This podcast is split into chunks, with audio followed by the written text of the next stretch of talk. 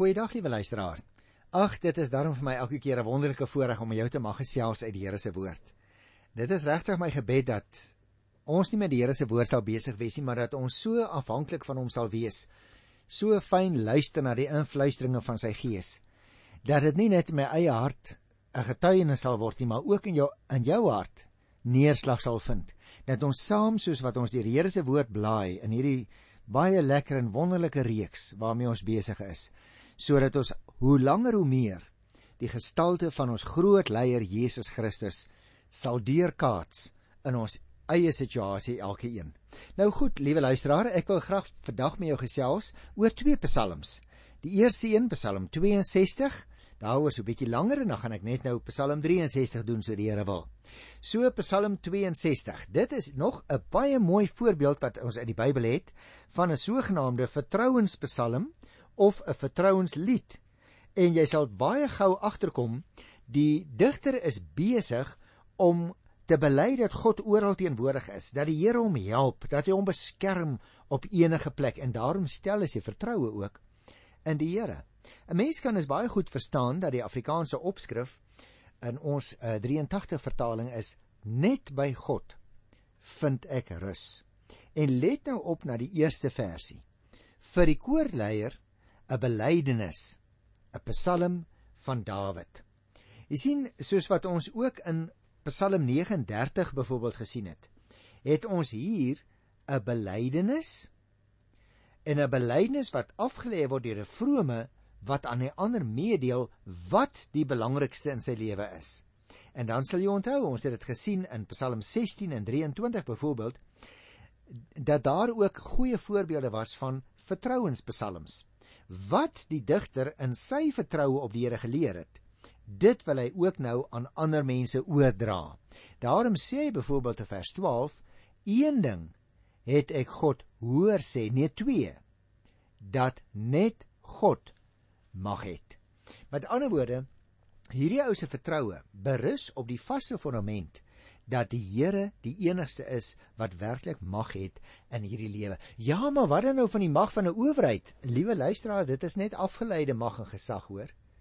Daarom skryf Paulus in Romeine 13 dat uh, die owerheid geen mag sal hê en die Here Jesus sê dit ook wanneer hy onder verhoor en in spervuur staan, dan sê hy jy sal geen mag gehad het as God dit nie vir jou gegee het nie. En daarom moet jy en ek wat miskien in 'n gesagsposisie is in 'n bepaalde werksituasie, moet ons baie baie nederig wees in ons uitvoering van ons taak, sodat ons die dienskneg gestalte van die Here Jesus ook sal laat deur blyk in die manier waarop ons optree.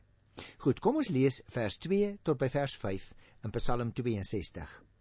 Net by God vind ek rus. Van hom is my redding. Net hy is my rots en my redding, my veilige vesting, sodat ek vas en stewig staan. Hoe lank wil julle almal nog beskuldigings bly slinger my probeer doodmaak? 'n Man wat reeds is soos 'n muur wat wil omval, 'n klipmuur wat omgestoot word. Hulle probeer my uitwerk. Hulle skep behae in leuns, met die mond seën hulle, maar in die hart vervloek hulle. Dit is dus 'n vertrouenspsalm waarin die digter sy belydenis laat hoor. Wat 'n belydenis? Net die Here gee rus. Hy is hierdie man se rots, sy redding, sy veilige vesting. Met ander woorde, liewe luisteraar, volgens die gegevens van Psalm 18, as ek dit sou bytrek by die 3de vers, word die indruk gewek dat hierdie veiligheid by die Here in die tempel te vind is. Maar in hierdie perikoop waarmee ons nou besig is, is daar nie enige assosiasie met die tempel nie. Die bidder is net aan die Here verbind, by wie hy dwars deur sy lewe, maar ook oral waar hy is, beskerming vind en ook redding ontdek. Hierdie man het geleer God is oral. Hy help oral. Hy beskerm my redde mens op enige plek waar hy mag wees. Daarom vertrou die bidder ook in sy huidige noodsituasie terwyl hy beskuldig word, so blyk dit hierso uit die eerste gedeelte van vers 4 en sy vyande sy lewe soek. Uit vers 4b kan ons die afleiding maak, né? Al is hy reeds soos 'n muur wat wil omval, sê in vers 4 se laaste sinnetjie. En al is hulle woorde op sy ondergang gemik, God kan hom weer stewig laat staan. En nou ken ek nie nou natuurlik nie jou omstandighede nie, liewe luisteraar. Ek weet nie of jy ook voel soos iemand wat wil omval nie, soos 'n muur wat wil oortuimel. Ek weet nie of jy 'n kind is of jy 'n groot mens of jy ou mens is nie, maar een ding weet ek. As jy in nood is en jy roep tot die Here, hy kan en hy wil oral vir jou en vir my help en ons uitred uit ons benouende omstandighede. Luister 'n bietjie by vers 6 tot by vers 9. Net by God vind ek rus, want op hom vertrou ek. Net hy is my rots en my redding, my veilige vesting, sodat ek stewig staan. God is my redding en my krag. Hy is my rots, my sterkte. God is my toevlug. Vertrou altyd op hom. My volk stort julle hart voor hom uit. God is vir ons 'n toevlug. Dit blyk dus dat hierdie psalmis nie net sy vertroue in die Here uitspreek nie, maar dat hy ook vir jou en vir my oproep om dieselfde te doen. Daarom onthou jy nog die beeld wat ek dikwels gebruik om te sê die psalms is eintlik elke een afsonderlik soos 'n jas. 'n Jas wat bepaalde emosie uitdruk. En dit is wat hierdie man ook doen. Hy druk sy eie vertroue in die Here uit en hy roep vir jou en vir my op om ook dieselfde te doen. Trek dit dan aan soos 'n jas vandag. Liewe luisteraars, as dit met my moeilik gaan, as jy soos 'n muur voel wat wil omval en wat oorhang, trek Psalm 62 aan soos 'n jas. Maak dit die woorde, die instrument van jou belydenis en sing dit uit voor die Here. Baie interessant, hierdie vers 6 tot 8 wat ek nou net gelees het, herhaal die bidder sy vertroue in die Here wat hy in die vorige verse ook gedoen het. Deels nogal met dieselfde beelde en ook dieselfde begrippe. Hy praat weer 'n keer net soos van tevore van my rots, my redding, my veilige vesting, my krag, my sterkte, my toevlug. Daarom het jy seker net nou vir jouself gesê toe ek die laaste perikoopie gelees het, maar nou herhaal jy broer Johanne nou dieselfde uh verse. Nee, ek het nie selfe herhaal nie. Dit is min of meer dieselfde omdat dieselfde terminologie in vers 6 tot 9 gebruik word as in die eerste klompie verse. Nou met hierdie 6 beelde wat die psalmdigter nou gebruik, die begrippe wat hy ook gebruik, bou hy eintlik 'n veilige muur om homself sodat hy sy volksgenote kan nooi om ook op die Here te vertrou. Jy sien, God is vir al sy gelowiges 'n toevlug, nie net vir sommige van ons nie. En daarom wil ek jou herinner daaraan as jy vandag voel asof jy alleen op die vlakte oorgebly het. Nêrens het om heen te vlug nie. Niemand het om jou te vlug nie. Die Here is jou vesting. Vlug in daardie vesting in vlug na die Here toe. Luister na vers 10 tot by vers 12 hier by Psalm 62. Mense is verganklik. Mense is niks. Op 'n skaal wys hulle geen gewig nie. Saam is hulle minder as niks. Moenie op geweld vertrou nie. Roof sal jou niks in die sak bring nie. As jou rykdom toeneem, moenie dat dit jou te na aan die hart lê nie. Een ding het ek God hoor sê nee twee dat net God mag het. Dis baie interessant wat hier gebeur in hierdie Psalm hier van vers 10 af. Die digter spreek naamlik 'n negatiewe oordeel uit oor nog twee sake waarop mense gewoonlik saak maak, naamlik geweld. Maak jy dalk op geweld staat? Trap jy dalk met harde vuil voete op ander mense se lewens? Maar die tweede een wat hy in vers 11 seën noem, is rykdom. En liewe luisteraar, dis 'n geweldige bedreiging vir ons in Suid-Afrika. Ons is so gewoond aan emmers vol seën wat ons van die Here se kant af ontvang. Ons is so gewoond aan goeie weer, gewoond aan goeie kos hier aan die suidpunt van Afrika, gewoond dat die Here 'n hele klomp metale en belangrike dinge in die hart van die aarde geberg het. Dit laat my baie keer dink as ek na Afrika kyk op 'n landkaart dat dit amper soos 'n twaksakkie is wat die Here so bietjie geskit het. En party van die rykdomme het afgesak in die grond hier na die suidekant toe waar jy en ek woon. Nou teenoor hierdie dinge waarop mense staat maak wat die digter noem soos geweld en rykdom, volg daar nou 'n groot stuk lewenswaarheid. Dis eintlik in 'n sekere sin die samevatting van sy geloofsbelijdenisse vers 2 wat hy van God self ontvang het. In vers 12, né? Net God het mag. Dis 'n baie klein en 'n baie kort saaklike samevatting van 'n geloofsbelijdenis, is dit nie? God is naamlik die enigste een wat werklik kan help. Luisteraar, die Here beloon die mense wat op hom vertrou. Maar hy straf die goddelose. Hy sê dit in die 13de vers, maar ek gaan eers nou nou daarby kom. Daarom kan jy en ek op die Here vertrou met 'n geruste hart, want hy is inderdaad betroubaar. As 'n mens nou nog 'n keer na hierdie versies kyk, ek is so bang ons gaan te vinnig daaroor, hier by vers 10 tot 12, dan blyk dit dat in vergelyking met die geloofsekerheid wat 'n mens net by God kry, mense baie min bied. Ook daardie ander twee sake behalwe die mense op wie ons soms vertrou, het dan na vore gekom naamlik geweld en rykdom. En hier word dus nou 'n negatiewe oordeel uitgespreek of skoon, liewe luisteraar, rykdom as sodanig nie afgekeur word nie. En dan eers volg die groot lewenswaarheid, die samevatting, sy lewensbelydenis, net God het mag. As ek nou die laaste versie lees. 'n Mens kan net op U Here vertrou en dat U met elkeen handel volgens sy verdienste. Dit blyk dus soos ek net nou gesê het, ek het 'n bietjie vooruit gegryp toe, dat die Here die beloon wat op hom vertrou. Maar hy straf die goddelose wat in vers 13 se tweede gedeelte genoem word. 'n Mens kan dus, liewe luisteraar, op die Here vertrou, want die Here is betroubaar. Daarom dink ek persoonlik nogal dat eh uh, Psalm 62 sou 'n lied wees wat 'n mens baie mooi kon gebruik. Byvoorbeeld op jou verjaardag en nou lê daar 'n nuwe jaar voor jou. Of sê net maar teen die einde van 'n jaar.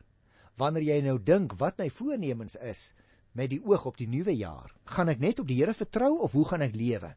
So liewe luisteraar, ek wil dat ons baie kortliks nog 'n slag in die Psalm 62 kyk, want dit is 'n baie belangrike Psalm wanneer dit gaan oor vertrou op die Here. Nou besef ek ons het almal groot oomblikke. Maar as 'n mens soms na jouself kyk, dan pas dit jou om te sê ek is 'n oorhangende muur, soos in hierdie Psalme ook die pragtige beeld gebruik word. Ons meen dikwels, liewe luisteraar, dat ons jare baie is as ons begin ouer word. Ons sê ook graag vir mense, ek is nou baie oud.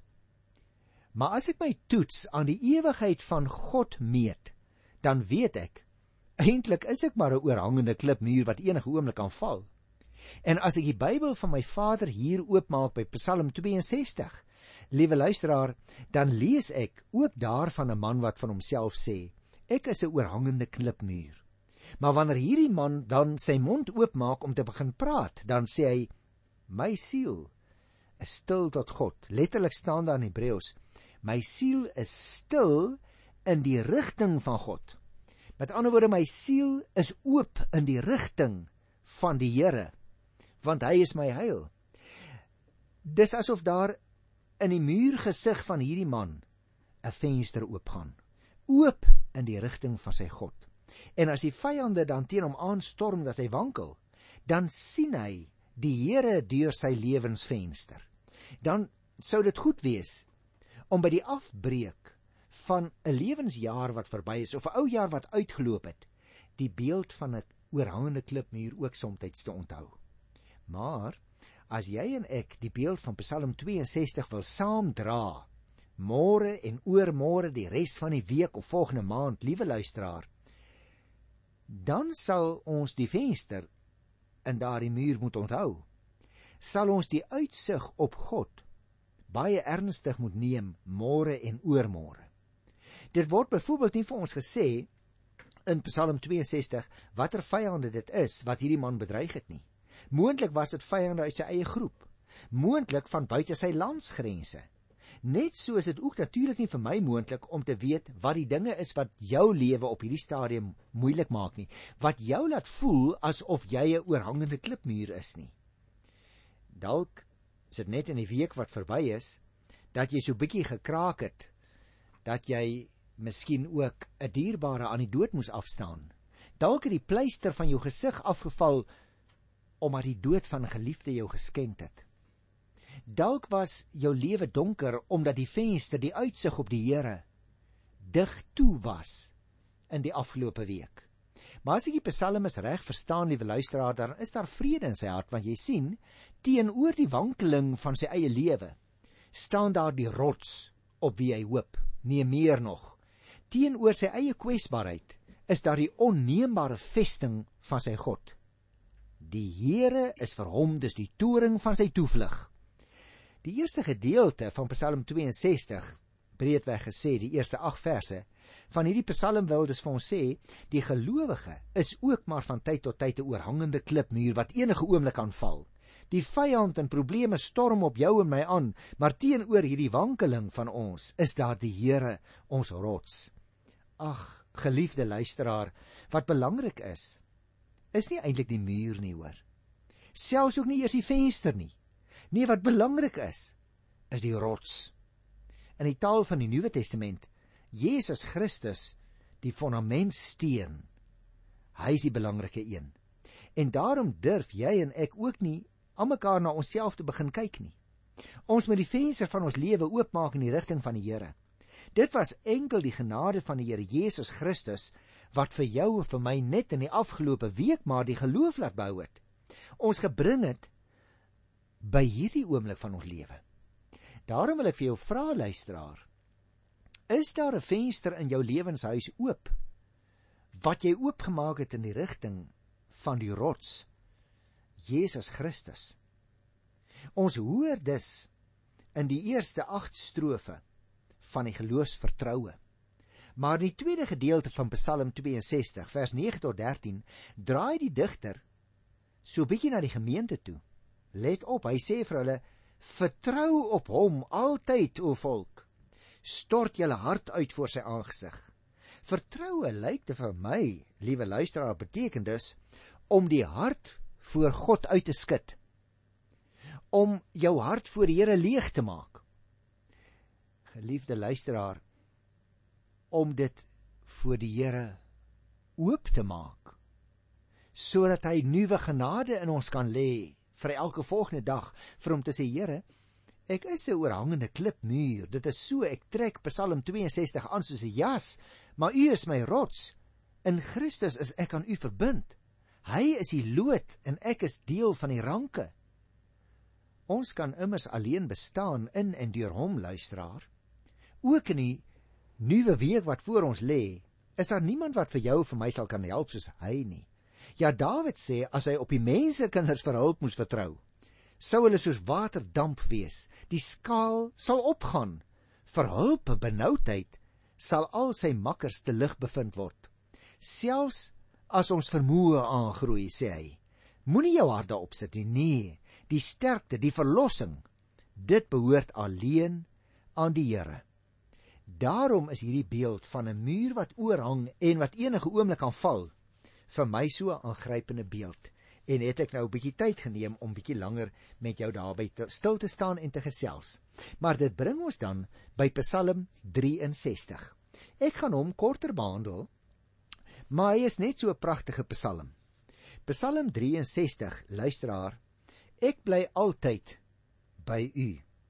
Die 83 vertaling het dit so bietjie verander, maar is ook baie mooi. Ek bly altyd naby u. Kom ons kyk net na die eerste versie eers. 'n Psalm van Dawid na aanleiding van sy verblyf in die Juda woestyn. Jy besien, die Psalm kan ook in 3 onderdele verdeel word wat eintlik nie regtig by mekaar aansluit nie. Vers 2 tot 9 wat ons nou nog gaan lees, handel oor die verhouding van die psalmis met die Here. En dan vers 10 en 11 bevat die oordeel van die psalmis oor sy vyande en vers 1 en vers 12 vorm as opskrif en as naskrif eintlik 'n nadere verklaring van die verse 2 tot by 11 daartussenin. So dit is eintlik ook 'n psalm met 'n baie eenvoudige struktuur en daarom wil ek graag nou eers die middelgedeelte, die sentrale gedeelte lees, vers 2 tot by vers 9. Ek soek U, o God, my God. Ek dors na U. Ek smag na U soos in 'n dor en droë land, 'n land sonder water. Ek wil by U in die heiligdom wees om daar U mag en grootheid te ondervind. U troue liefde is meer werd as die lewe. Daarom sal ek U prys. Ek sal U my lewe lank loof, my hande ophef om U naam te prys. Soos elke keer wanneer ek U goeie gawes geniet, sal ek U altyd roem met jubelende mond. As ek aan U dink op my bed, oor U pyns in die nag, dan weet ek U is vir my 'n hulp en dan juig ek oor die beskerming onder U vleuels. Ek bly altyd naby U. U hand ondersteun my. Ag, is dit nie 'n pragtige belydenis wat jy en ek ook graag met hierdie psalmes sal wil maak nie. As ek nou vers 2 tot 9 mag opsom in my eie woorde, dan sou ek dit so wou doen. Die psalmes lyk vir my, luisteraar, spreek op 'n ondubbelsinnige manier van sy besondere verhouding wat hy met die Here het. Die aanhef is 'n duidelike aanwysing van die een op wie hy sy vertroue stel, want hy praat van God, my God, né? Nee, Daar's 'n intieme verhouding. Die uitdrukking wat hy gebruik, 'n dor en 'n droë land, 'n land sonder water, dan vers 2, skilder lyk dit vir my die geestelike nood van die digter met 'n baie treffende beeld. Soos die wild na water soek en smag, so soek die psalmis met sy hele wese na God Hy wil immers by God in sy heiligdom op Sion wees, sê vers 3. Daar is hy nie net veilig nie, maar daar ondervind hy ook die weldade van die Here deur sy mag en sy grootheid vir sy volgelinge gee. Daarom prys hy die Here met 'n loflied vir altyd, in vers 4 en 5. Die goeie gawes van vers 3 beteken dus letterlik in die Hebreëse taal vet en murg. Met ander woorde, Hy geniet dit in die tempel by 'n maaltyd waar die beste vleis van vetgemaakte diere voorgesit word. En saam met ander gelowiges eer hy dan die Here. Want ten spyte van sy huidige ontberinge, weet die bidder dat die Here hom sy lewe deur beskerm het tot nou toe. Selfs nou in sy nood bly hy dus naby die Here. Want die Here ondersteun hom en die Here beskerm hom elke oomblik van elke dag. En daarom luister na vers 10 en vers 11 hier in Psalm 63. Maar hierdie mense wat my ondergang soek, mag hulle wegsink in die dieptes van die aarde. Mag hulle aan die swaard oorgegee word en aas vir jakkalse word. Nou ja, vreemde beeld vir jou vir my. Ons het dit al dikwels teëgekom, maar wat bedoel dit? Jy sien, die oordeel waarmee die kwaadwilliges wat onreg doen. Ons het daarvan gelees in vers 3 en ook by Psalm 5 die 6ste versie het ons dit al teëgekom. En daardie oordeel waarmee die kwaadwilliges wat die onreg doen getref word, laat die mense insig kry in wat God doen. En hulle prys hom omdat hy die reg handhaaf en die regverdige beskerm juis teen hulle wat die beskerming so nodig het. Met ander woorde, saam met sy gebed doen die bidder geloftes aan die Here omdat hy die gebed van die gelowige verhoor. Mag ek afsluit met die laaste verse hierso vers 12. Laat die koning hom in God verbly. Laat elkeen wat hom op God verlaat hom prys. Die mond van die vals mens word toegestop. Nou dit is 'n baie belangrike opmerking wat ons hier kry, liewe luisteraar. Luister weer na vers 12. Laat die koning hom in God verbly. Laat elkeen wat op op God verlaat hom prys. Die mond van die vals mens word toegestop. Jy sien as liewe luisteraar ter wille van sy land en sy volk bid die digter dat sy koning nie een van hierdie soort mense moet wees nie wat nie hulle vertroue op die Here stel nie. Saamgevat, Net soos in Psalm 62 betrek die digter weer die koning in sy loflied. Hy bid ter wille van sy land en sy volk vir die koning. Hy hoop dat die koning sy lewensblydskap in 'n besondere verbintenis met God sal vind. Mag ek jou 'n vraag vra?